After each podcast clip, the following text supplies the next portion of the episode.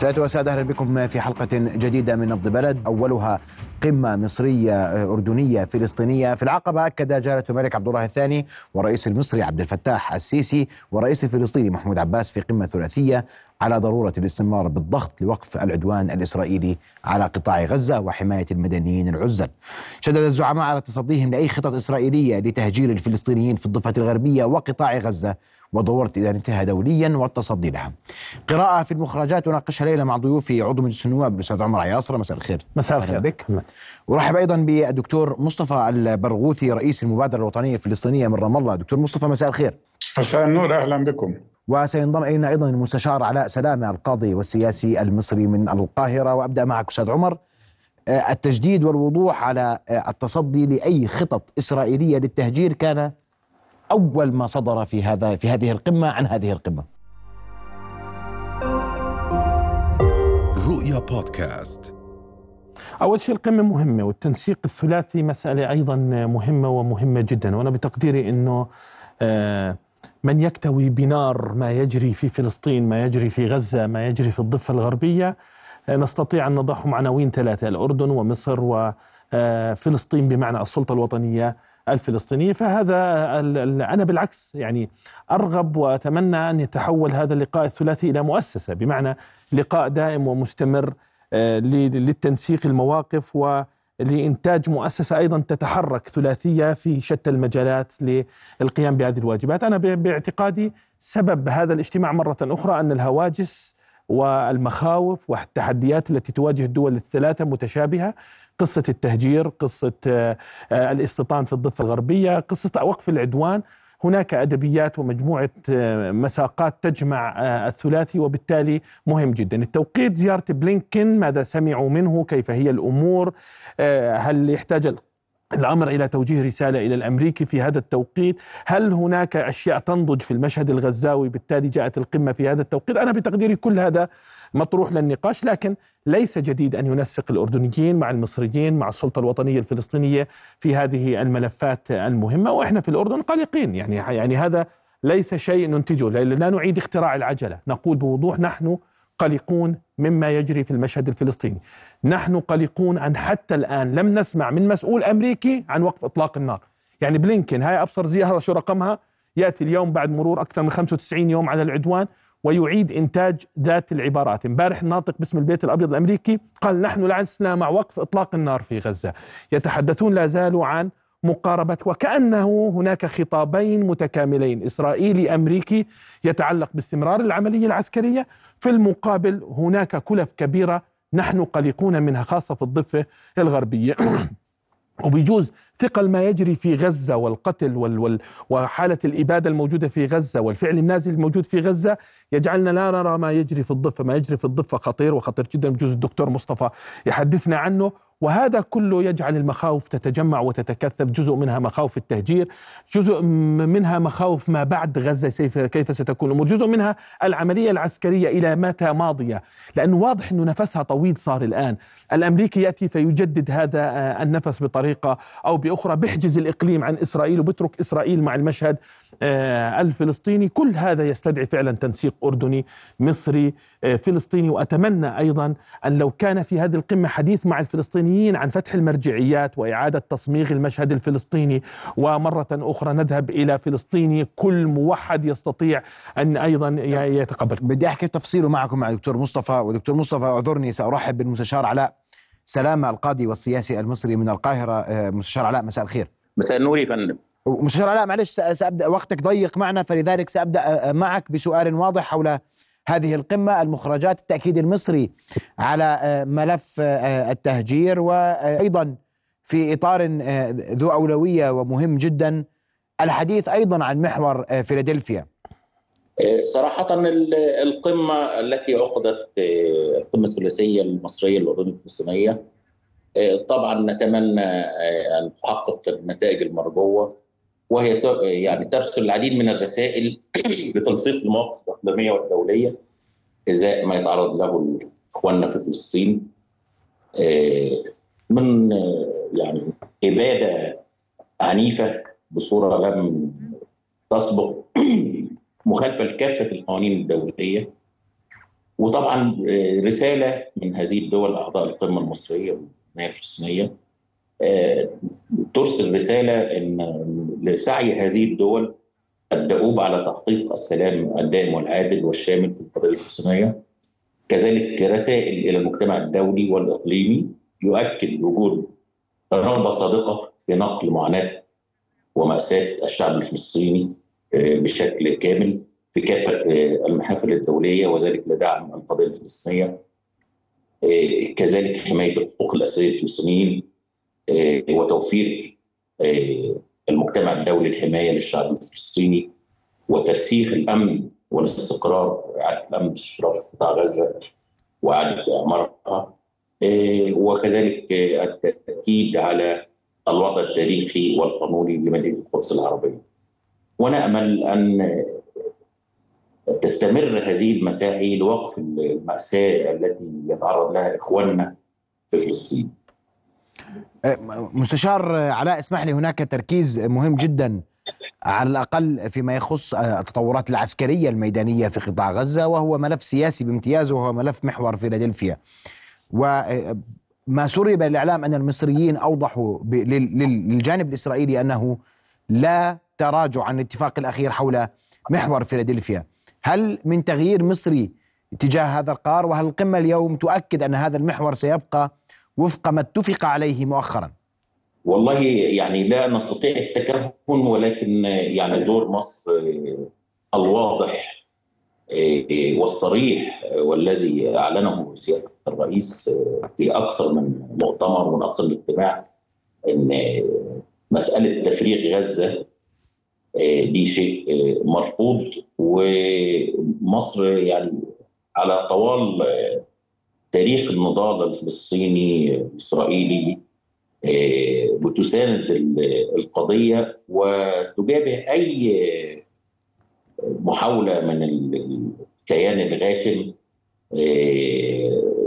للوصول إلى تنفيذ المخططات الدنيئة التي هي خارطة وملف تسعى إسرائيل لتنفيذه. نعم. سأعود لك مستشار علاء لكن قبل ذلك دكتور مصطفى البرغوثي أود أن أسمع وجهة نظرك بما خرج عن هذه القمة الثلاثية والتركيز على ملفات التهجير وتصفية القضية وإعادة احتلال أي جزء من قطاع غزة والتصعيد في المنطقة. بوجهة نظرك هذه القمة ما بعد زيارة بلينكن وكأنها رسالة للأمريكيين أن الثلاثي الأكثر المعني المعني بشدة بهذا الملف. لديه خطوط حمر واضحة تركز عليها هذه القمة من العقبة. نعم وهي جواب مهم على ما قام به بلينكن بلينكن كما قلنا مرارا وتكرارا لا نستبشر به خيرا أبدا. كلما جاء إلى المنطقة كلما تصاعد العدوان الإسرائيلي وهو كما قال أحد الصحفيين يعني هو يركب الطائرة كأمريكي ويهبط في إسرائيل كيهودي إسرائيلي في الواقع. والذي فعله خطير جدا. وخاصة ما أكدوا الناطق باسم البيت الأبيض أنهم جاءوا ليعطوا إسرائيل الضوء الأخضر للاستمرار في هذا العدوان الهمجي وفي هذا التطهير العرقي الإجرامي الذي يمارس ضد الشعب الفلسطيني. وما دامت الولايات المتحدة ترفض أن توافق على وقف إطلاق نار شامل ودائم وتواصل القول أنها تعارض وقف إطلاق النار فلا قيمة لأي موقف آخر منها لأنه كله يصبح مجرد نفاق ومجرد ضرب للرماد في العيون ومجرد غطاء للموقف الذي ليس فقط يؤيد الحرب العدوانية بل يشارك فيها. أنا أعيد التأكيد. الولايات المتحدة وبريطانيا مشاركة في العدوان بقواتها بطائراتها بحاملات طائراتها وبالتأييد السياسي المطلق لإسرائيل.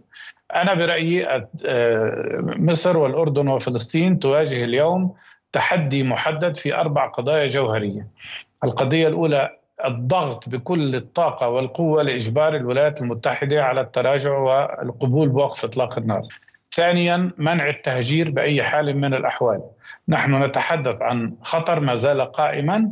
إسرائيل أرادت وأعلنت ولم تخفي ذلك ووزرائها يعلنون ذلك كل يوم.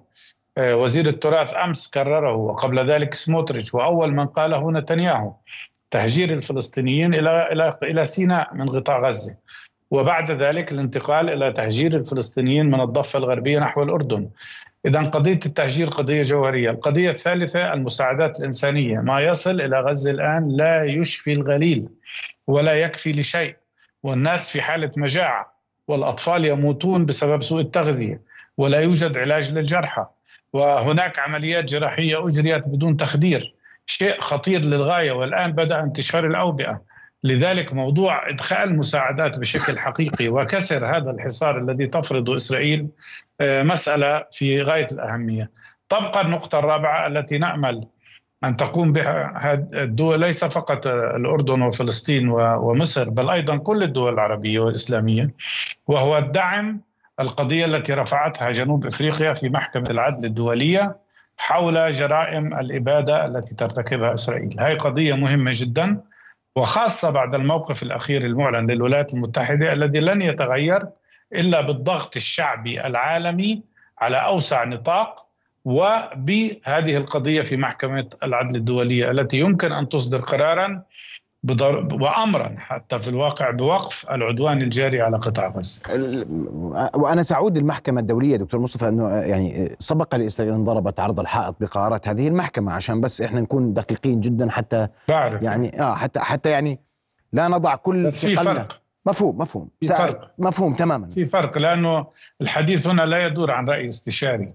الحديث يدور عن سابقة جرت في بلدان أخرى عندما ترتكب إبادة جماعية تستطيع المحكمة أن تصدر قرارا بضرورة وقف الإبادة الجارية، هذا طبعا يعني لا يعني أن إسرائيل تستجيب فورا ولكن يعني أنه يخلق ظرف سياسي ودبلوماسي من نوع جديد يمثل ضغطا هائلا على إسرائيل.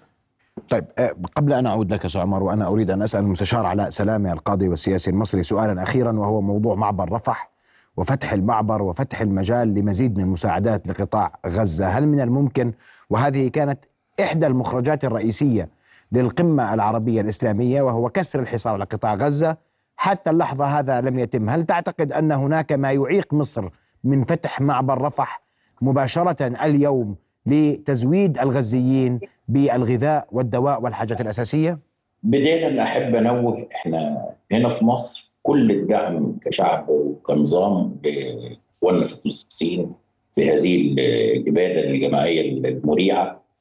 وأنا بحضر بنفسي مسألة تجهيز العبوات اغذيه وادويه في في في مصر في القاهرة في مدينه 6 أكتوبر. الكونتينرات السيارات راكنة حجم ضخم كمية ضخمة جدا جدا. ومجموعة متطوعين أكثر من 1500 شاب وشابه مصريين. ودعينا جميع الجهات والمنظمات الدولية اللي كانت بتذيع إن مصر يعني بتأثر وإن المساعدات لا تصل. وعملنا لقاءات مع حتى السواقين الهزيزه العربات المعبر في مدخل ليه من رفح المصرية ومدخل من الجانب الآخر. إحنا دور مصر إحنا لا نستطيع فتح المعبر من جهة واحدة ولكن لازم السلطة الفلسطينية والكيان الغاشم سلطات الاحتلال الغاشم ومندوب من الأمم المتحدة أو الانروا يستلموا هذه المخصصات. طبعا بيتعمدوا النظام الغاشم بياخدوا الكونتينر مسافة 50 كيلو المحور العوجة لفحصه عن طريق الإسكان وللأسف الشديد بيتلككوا عشان ما لهمش رغبة ان الحاجات دي يعني رغما عنهم. نتيجة الضغوط اللي مصر بتمارسها والمجتمع الدولي وبيتلك للسواق يعني من ضمن المفارقات العجيبة إن أحد السائقين كان يحمل مقص القص أظافره فتم اكتشافه وادعوا أن هذا السائق يحمل أسلحة وتم رد الكونتينر بما فيه ويتعمدوا إنزال هذه آه، الأغذية وطبعا معرضة للتلف نتيجة عدم الحرص في خروجها ودخولها تفتيش دقيق بدعوى عدم وجود ممنوعات وللأسف الشديد بيتم إتلاف معظم هذه المنقولات من أغذية وأدوية والكلام ده عن عمد حتى طلبت إن أحد السائقين يدلي برأيه في في عن طريق بث مباشر فرفضوا وقالوا لو الكلام ده صدر هيتم منع السائق وسائقين أخرى. إحنا بنسعى جاهدين وببلغ الشباب وإحنا بنجهز الكراتين أن يضعوا نية في تجهيز هذه الكراتين حتى يجعلها الله نصف لإخواننا في فلسطين. نعم. المعبر لا تتحكم فيه مصر وحدها ولكن للأسف الكيان يتعنت في استقبال هذه المساعدات وده شيء معروف من يقتل ويسفك الدماء يمنع الأغذية ويمنع الأدوية ويمنع كل شيء ودي إبادة جماعية. وإحنا. في مصر كصفتي محامي نقابه المحامين المصرية توثق هذه الجرائم صوت وصورة ومشتركين في أكثر من جروب من داخل غزة الحرة الأبية بتوثق لهذه الجرائم التي لا تغتفر والتي سيسجلها التاريخ. وكذلك نوثق الموقف المغضي للولايات المتحدة الأمريكية آه، التي ظهر الوجه القبيح لها في في بصورة فجة. نعم. ومخالفة لكل الأعراف والقوانين والإنسانية. نعم أشكرك كل الشكر المستشار آه، وعلاء سلامة القاضي والسياسي المصري أشكرك كل الشكر على وجودك معنا هذه آه، الليلة. أعود لك أستاذ عمر وتبقى معي أنت والدكتور مصطفى البرغوثي وأنت تحدثت ممكن كل ما يدور في العقبة اليوم هو رد على المجتمع الدولي وتحديدا على الولايات المتحدة الأمريكية وإيضاح أن الموقف الثلاثي الأردني المصري وهو الركيزة في موضوع التهجير والحدود وما إلى ذلك والموقف الفلسطيني النابع عن السلطة الوطنية الفلسطينية بصفتها المرجعية اليوم على أقل تقدير دوليا أنه لا تنازل ولا تراجع عن المطالب منذ بداية الحرب. وقف العدوان لا اجتزاء من غزة لا تهجير الفلسطينيين تتفق مع ذلك بلينكن اليوم يقود سما في المنطقة يهدئ روع الجميع بأن الأمور ستسير الأفضل. راح ندخل مساعدات. فريق أممي سيدخل لغزة لبحث عودة اللاجئين إلى شمال النازحين إلى شمال القطاع. كل هذه وكأنها إبر تخدير يقدمها بلينكن للمنطقة بعمومها. لا هي ليست إبر تخدير بقدر ما هي آه، مشاركة في إدارة المشهد مع الإسرائيلي. يعني بمعنى يعني أيضا المنطقة تضغط وهو يدير الضغوط وهذا يصب في النهاية لمصلحات الإسرائيلي باستمراره في العملية آه، العسكرية وفقط ليس فقط العملية العسكرية أيضا عملية آه، الجانب الإنساني الضغط على المجتمع الغزاوي بالشكل اللي حكاه الدكتور مصطفى. هذا يعني أيضا جزء من الجريمة الكبيرة التي في النهاية تريد آه، إسرائيل تحويلها إلى سيولة سياسية للضغط على الفاعل الصيني. خلينا نتفق إنه كلين اللي بلينكن لما اجى على المنطقة ما جاء بالجديد. وهذا أدركته الأردن وأدركته السلطة وأدركه المصري. بمعنى أنه جاء بذات المقاربات يتحدث عن دخول شاحنة وخروج شاحنة ومساعدات إنسانية. ربما أضاف شو اليوم حكى عن شمال غزة أمم متحدة تكون موجودة لعودة الناس وأيضا هذا لذر الرماد بالعيون. فبالتالي كان من الضروري أن يجتمع القادة الثلاث ليتحدثوا بلغة واحدة تصل للأمريكي وتصل لشعوبهم. أن بلينكون لم يطوعنا هذه المرة لم تتغير قناعاتنا. قناعاتنا لا زالت ذاتها ذاتها تتحدث عن ضرورة وقف العدوان. لم يستطيعوا تخليق إرادة لدى الأمريكي بوقف العدوان لكنهم قرروا أن يواصلوا الضغط لوقف العدوان. لا زالوا يتحدثوا عن المساعدات الإنسانية ربط التهجير بشكل كبير وفي كل يعني واللي حكى الدكتور مصطفى عن المحكمة العدل بالمناسبة اليوم رئيس الوزراء الدكتور بشر الخصاونة في في البرلمان تحدث عن أن الأردن سيساند ذاك الموقف في محكمة العدل الدولية وأن مرافعات جاهزة الآن ليقدمها الأردن في تلك المحكمة. وأنا بتقديري أن هذا الاشتباك مهم ومهم جدا. لكن اليوم الرسالة منوعة فيها بعد سياسي وفيها. يعني أنا لو بدك تقول لك أنا مطمن أنه المواقف لا زالت ثابتة مطمن أنه في تنسيق. لكن أيضا قلق أننا لحد الآن ما قدرناش نقنع الأمريكي بأنه يغير موقفه فيما يتعلق بوقف إطلاق نار دائم وشامل. لم أسمع إلى اليوم وأكررها المرة من أول يوم لليوم اللي إحنا فيه بعد اليوم ال 95 لم نسمع أمريكي يتحدث عن وقف إطلاق النار كأن هذا محرم. وقف دائم مسألة. يعني لما بيسألوا الناطق باسم البيت الأبيض بتكهرب لما تحكي له قصة وقف دائم لإطلاق النار بتحدث. لا. بمعنى أنهم لا زالوا يفكرون بمقاربة ما بعد الانتصار بالنسبة لهم. لا زالوا يفكروا بهذه المقاربة ويضعوا خططهم على هذا الأساس. لكن هذا مهم ومهم جدا. محور فيلادلفيا استهدف نتنياهو في إحدى تصريحاته وقال ان نريد أن نسيطر على محور فيلادلفيا في اتفاقية بال 2005 على قصة نعم. محور آه، فيلادلفيا واضح جدا أيضا أننا نحتاج إلى هذه القمة ونحتاج بعد ذلك إلى تحمير عين أكثر تجاه الإسرائيلي في بعض الثوابت المتعلقة بقصة التهجير التهجير الناعم قد يحصل يعني وقد يحصل إذا ظلت البيئة والمساعدات الإنسانية وحالة غزة وحالة اللي إحنا شايفينه في غزة ممكن يصير transfer ناعم، المجتمع يقاوم، الموقف الفلسطيني بيقاومه، بنية الأهل في غزة بتقاومه، لكن في النهاية ما بنعرفش الصمود هذا لمتى بيقدر يتحمل. وهذه مسألة مهمة جدا، بالتالي القمة مهمة، التنسيق مهم ومرة أخرى بتمنى على الأردن ومصر أن يدفعوا باتجاه توحيد الموقف الفلسطيني. واليوم لازم الفلسطينيين يعلنوا قبل اليوم التالي للحرب قبلها أننا شركاء في المغارم والمغانم بفتح المرجعيات والعودة إلى منظمة التحرير الفلسطينية وأن يتحمل الجميع إذا في مغارم قادمة في المشهد الفلسطيني. الكل يتحملها وإذا في غنيمة وفي شيء جيد الكل يتوزعها بعدالة. وبهذا يقوي الموقف الفلسطيني وبيقوي الموقف المصري وبيقوي الموقف الأردني. حتى الآن أجد رجل لقدام ورجل لورا وكأنه ليس من الأولويات. ولذلك بدي أرجع لقصة أن الأردن والمصريين والفلسطينيين بالفلقة. أنا بتقديري ونفس التحديات ونفس الصعوبات ونفس المخاطر. واللي بيتحدثوا عنه مش ترف ولا الموقف المصري والموقف الأردني ما يجري في غزة. موقف إنساني أخوي اشقاء بس.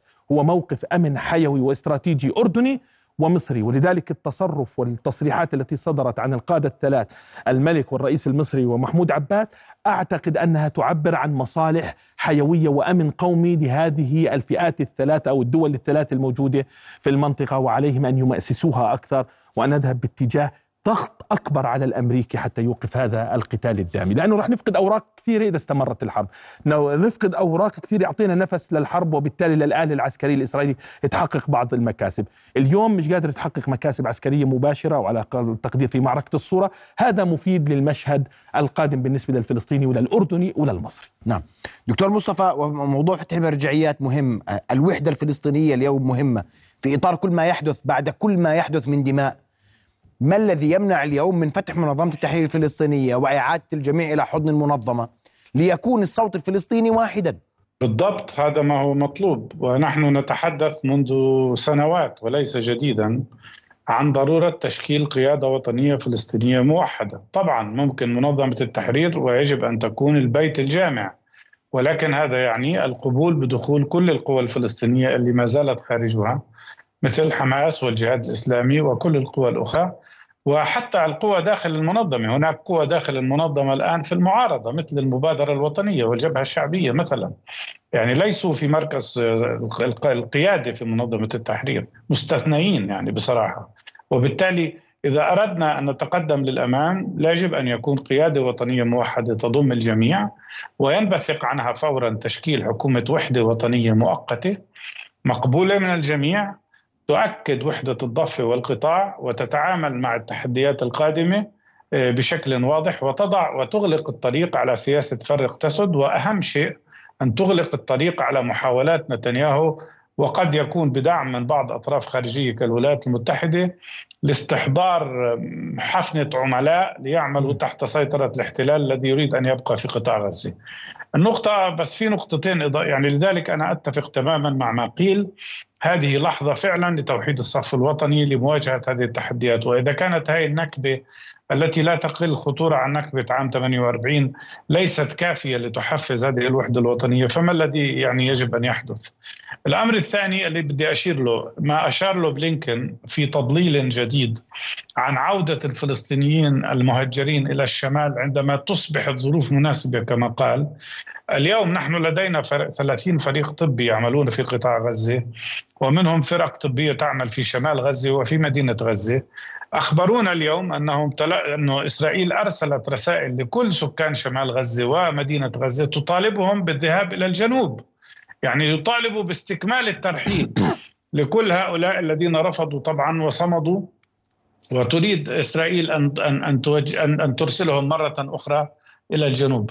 لذلك هاي نقطة أنا برأيي مهمة جدا. في قضية أخرى تتعلق بمعبر رفح أريد أن أشير لها. آه، السيطرة على معبر رفح آه، الإسرائيلية ليست قانونية وليست شرعية. هذا المعبر منذ الاتفاق الذي تم سابقا هذا المعبر هو بيد آه، بين الفلسطينيين والمصريين. وبالتالي الوجود الإسرائيلي عليه والقيود التي تفرضها غير شرعية وغير قانونية. وأنا قلت في أكثر من مقابلة سابقة نحن ندعو جميع الدول العربية والإسلامية السبعة وخمسين التي التي اشتركت في في في الاجتماع في المؤتمر الذي جرى في السعودية. أن تبادر إلى إرسال قافلة إنسانية تتحدى إسرائيل. قافلة تضم ممثلين عن ال 57 دولة. وفعلا تتحدى إسرائيل بشكل واضح وصريح وتقول لإسرائيل نحن يجب أن ندخل، هل ستقصف إسرائيل قافلة تضم ممثلين عن 57 دولة؟ لا أعتقد ذلك.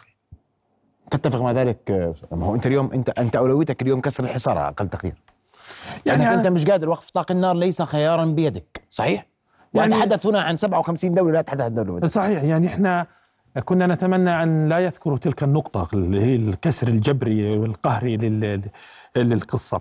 يعني إحنا بدناش نبيع الناس أفيون، واضح إنه المنظومة العربية والإسلامية الرسمية يعني اليوم آه، عاجزة ليس بفعل أنها تفتقد عناصر القوة في أسباب متداخلة ومتعددة. مجموعة مصالحها وعلاقاتها آه، تحول دون الاشتباك المباشر مع مع مع مع الملف الفلسطيني.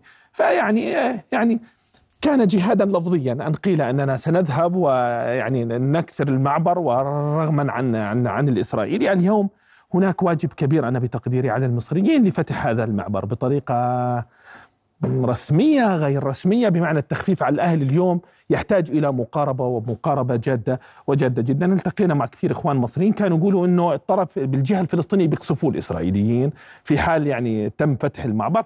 هناك أسباب كثيرة متداخلة لكن بالنهاية أنا بتقديري أن الاشتباك اللي صار في العقبة اليوم هو اشتباك اولي القربى. يعني بمعنى اشتباك الذين يتأثرون بشكل مباشر في كل المآلات التي تجري آه، في المشهد الفلسطيني. اليوم إحنا بنتحدث عن مشروع إسرائيلي لحد الآن. عفوا. أنا شايف الأمريكي رايح معه باتجاه كبير. بمعنى المآلات حتى الآن غير واضحة، صحيح أن الميدان يحقق آه، حالة مشرفة وحالة مثالية. لكن استمرار الحرب مقلقة ومقلقة جدا والغطاء الأمريكي بهذا الشكل المكثف والفج وال وال اللي بنشوفه كل في كل مرة بقلقني أكثر فأكثر. وباعتقادي هذا الذي استدعى قلقا عند القادة الثلاث. لا زال الأمريكي يملك ذات النفس. يا زال ماراثوني في التعامل مع قصة استمرار العدوان. لا زال يملك حمرة في وجهه أن يغطي على الجرائم الإنسانية. اليوم حكى بلينكن هذه ليست إبادة لما جاءوا سألوه عن قصة جنوب إفريقيا والمحكمة. قال هي ليست لا, لا أساس من الصحة أنها إبادة جماعية. هذه التغطية أنا شخصيا كمحلل اليوم سياسي وكمشتبك في الملف الفلسطيني وكأردني يشعرني بالقلق. أنا استمرار العملية العسكرية وقدرة إسرائيل على تحمل الخسائر واستمرارها في ذلك والغطاء الأمريكي رغم كل الضغوطات الموجودة من المنظومة العربية على أقل تقدير في الظاهر آه وكل ما يجري في الولايات المتحدة الامريكيه من حراك في الحزب الديمقراطي هذا الاستمرار يزعجني ويقلقني لأنه كل ما تقدموا وفرضوا أمر واقع على الأرض في غزة هذا سينعكس على الضفة سينعكس على الطاولة في النهاية حينما يجلس عليها الجميع وتوزيع عناصر القوة سنفقد عناصر القوة. ولذلك القمة الثلاثية يجب مرة أخرى أن تؤكد وتمأسس وأن تضغط وأن تعود للحضن العربي والإسلامي وتذهب باتجاه أمريكا لوقف شامل لإطلاق النار. لا بد أن ننقذ ما بقي من القوة الفلسطينية. لا بد أن ننقذ الآن في قوة رمزية فلسطينية كاسحة موجودة في المشهد. القضية عادت والبعد المعنوي والجماهير العربية لكن القوة على الأرض نحتاج إلى حمايتها حتى نقدر نحكي مع هذا التوحش الإسرائيلي والغطاء الأمريكي بطريقة أو بأخرى. القمة مهمة تأسيس مهم وأنا بقول إنها لازم تتحول لمؤسسة في هذه المرحلة ولا بد أيضا أن يسعى الأردني والفلسطيني إلى الضغط أكثر على المصري. المصري فاعل. وأنا مش مع أي تشكيك بالموقف المصري، الأمن الحيوي القومي المصري يتضرر في حالة التهجير، مخيم في سيناء معناته أنت اشتبكت مع القضية ومع القتال واشتبكت مع قصص كثيرة، اليوم مطلوب أيضا الموقف المصري يعني إن زي ما بنحكي ان نجمده أكثر ونساهم فيه أكثر ونستثمر فيه أكثر ونحاول نقويه لأنه هو ضاغط كبير على آه، الإسرائيلي خاصة إنه في عربده إسرائيلية. الحديث عن محور فيلادلفيا هذا عربده إسرائيلية عربده من نتنياهو. لما سومتريتش وهذول يتحدثوا عن تهجير وعن خطط وبرسموا هذه المشاهد وعودة المستوطنين وكل هذه الخزعبلات التي تقال أنا بتقديري هذا لازم يستنفر العواصم الثلاث وهي مستنفرة وجهد مبارك أنها تلتقي وجهد مبارك أكبر وأعمق أن تتمأسس وأن نتحرك بطريقة أكبر وأعمق خاصة في الخواتيم لأنه إحنا الآن أمام الخواتيم يعني مش نهاية الحرب وبس أمام الخواتيم حتى تصاغ على أقل تقدير مراكز القوة وتوزيع القوة داخل المشهد بيننا وبين الإسرائيلي. بيننا نحن كفلسطينيين والإسرائيلي وبين المنظومة الأردنية والمصرية والإسرائيلية لأنه هذا مهم جدا في رسم الخطوط في المرحلة القادمة. دكتور مصطفى تتفق مع ذلك وأنا بدي أرجع برضه لفتح المرجعيات واعذرني دكتور مصطفى بضغط في هذا الملف لكن من الذي يقف اليوم عائقا اتجاه الوحدة الفلسطينية؟ يعني هل من المعقول؟ وأنت ذكرت ماذا نريد أكثر من ذلك؟ إذا كل ما يحدث اليوم لا يوحد الصف الفلسطيني ما الذي يوحده. من المعيق اليوم لهذه الوحدة الفلسطينية؟ المعيق الأكبر من يتمسكون بما فشل وهو نهج أوسلو ونهج المراهنة على حل وسط مع الحركة الصهيونية. وهذا قالته الحركة الصهيونية بكل وضوح أنها ترفضه. وبالتالي أي مراهنة على التفاوض معهم أي مراهنة على الاستمرار في انتظار أن تقوم الولايات المتحدة بدور وسيط وهي منحازة بشكل مطلق لإسرائيل هذا خطأ. هذا هو المعيق. التمسك بنهج سبق أن فشل وانتهى. ولذلك آه، أنا برأيي اليوم عندما نقول قيادة وطنية موحدة هذا يعني قيادة وطنية موحدة تتوحد على نهج كفاحي مقاوم لهذا الإجرام الذي يتعرض له الشعب الفلسطيني. هكذا فقط يمكن أن تترسخ الوحدة الوطنية بشكل فعال وقوي. نعم. أستاذ عمر بدي أرجع لك في نقطة مهمة جدا اليوم وهو التصعيد الإقليمي في المنطقة. بس إذا سمحت لي أنا مضطر أن أعتذر لأنه عندي ارتباط آخر يعني مضطر أروح له. أشكرك كل الشكر. بالعكس شرفتنا. شكرا جزيلا رئيس المبادرة الوطنية الفلسطينية دكتور مصطفى البرغوثي الذي اشتبك مع الإعلام كثيرا عربيا ومحليا واقليميا ودوليا. ولك كل التقدير والاحترام دكتور مصطفى. شكرا جزيلا لك. شكرا لكم أهلا. أعود لك أستاذ عمر عياصره والحديث عن التصعيد في الإقليم. يعني لحد الآن التصعيد مداقش إحنا بنسميه باللهجة الأردنية. بمعنى أنا دائما بحكي إنه هذه الأزمة ستنتهي والشاطر اللي بكيش سياسه هذا الشاطر. علينا أن لا نذهب إلى نتيجة صفرية. مثلا الفلسطينيين عملوا آه تاريخيا في السبعة وثمانين انتفاضة الحجارة. وبعد كل ما بنينا هذا الجمل فتمخض وولد الجمل أسرة. وكانت النتيجة ما وصلنا إليه اليوم. حتى في 2002 لما صارت في 2000 لما صارت الانتفاضة الأقصى كانت النتيجة في النهاية استبدال الرئيس في موقع رئيس وزراء ودخول محمود عباس على الخط ورحيل ياسر عرفات بهذا الشكل الدراماتيكي اللي عشناه. نأمل دائما أن نستخدم في لحظة ال ال ال القطاف العقل السياسي. وهنا أوجه هذا الكلام للمقاومة. وأوجه هذا الكلام مرة أخرى للكل الفلسطيني. ليش أنا اليوم قلت لك لازم تنفتح المرجعيات؟ لازم اليوم ينسوا المغانم والمغارب. اللي قاعد بتربص برام الله وبستنى شو يصير بغزة عشان يرجع للحكم أو تضعف حماس ويفوزوا في انتخابات ثانية هذا كلام غير وطني وهذا تفكير غير وطني وهذه مشاعر غير وطنية وأتمنى لا تكون موجودة. اليوم التوحد بيؤدي إلى وقوف على أقل تقدير بوجه رسالة للكل. للعالم وللعالم العربي بهذا الشكل. الإقليم الإقليم أنت بتقصد إيران بتقصد حزب الله. قواعد الاشتباك الجماعة ملتزمين فيها بقدهم وقديدهم. وإيران تلقت رسائل في البداية وفي الوسط وفي الآخر وبعد يومين وبكرة وبعد بكرة أنها لن تدخل حرب شامل ولا مواجهة شاملة مع الولايات المتحدة الأمريكية لأنه لا إيران بدها إياها ولا الولايات المتحدة بدها إياها بس إسرائيل بدها إياها. يعني نتنياهو ممكن يجرهم لهذا الحرب. لاحظ فلسفة الاغتيالات اللي صارت في الفترة الأخيرة هذه وكيف بلعتها حزب الله بلعتها. حما... آه، آه، إيران بلعتها قتلوا مجموعة قيادات إيرانية وبشكل ترى فكرة مكثف.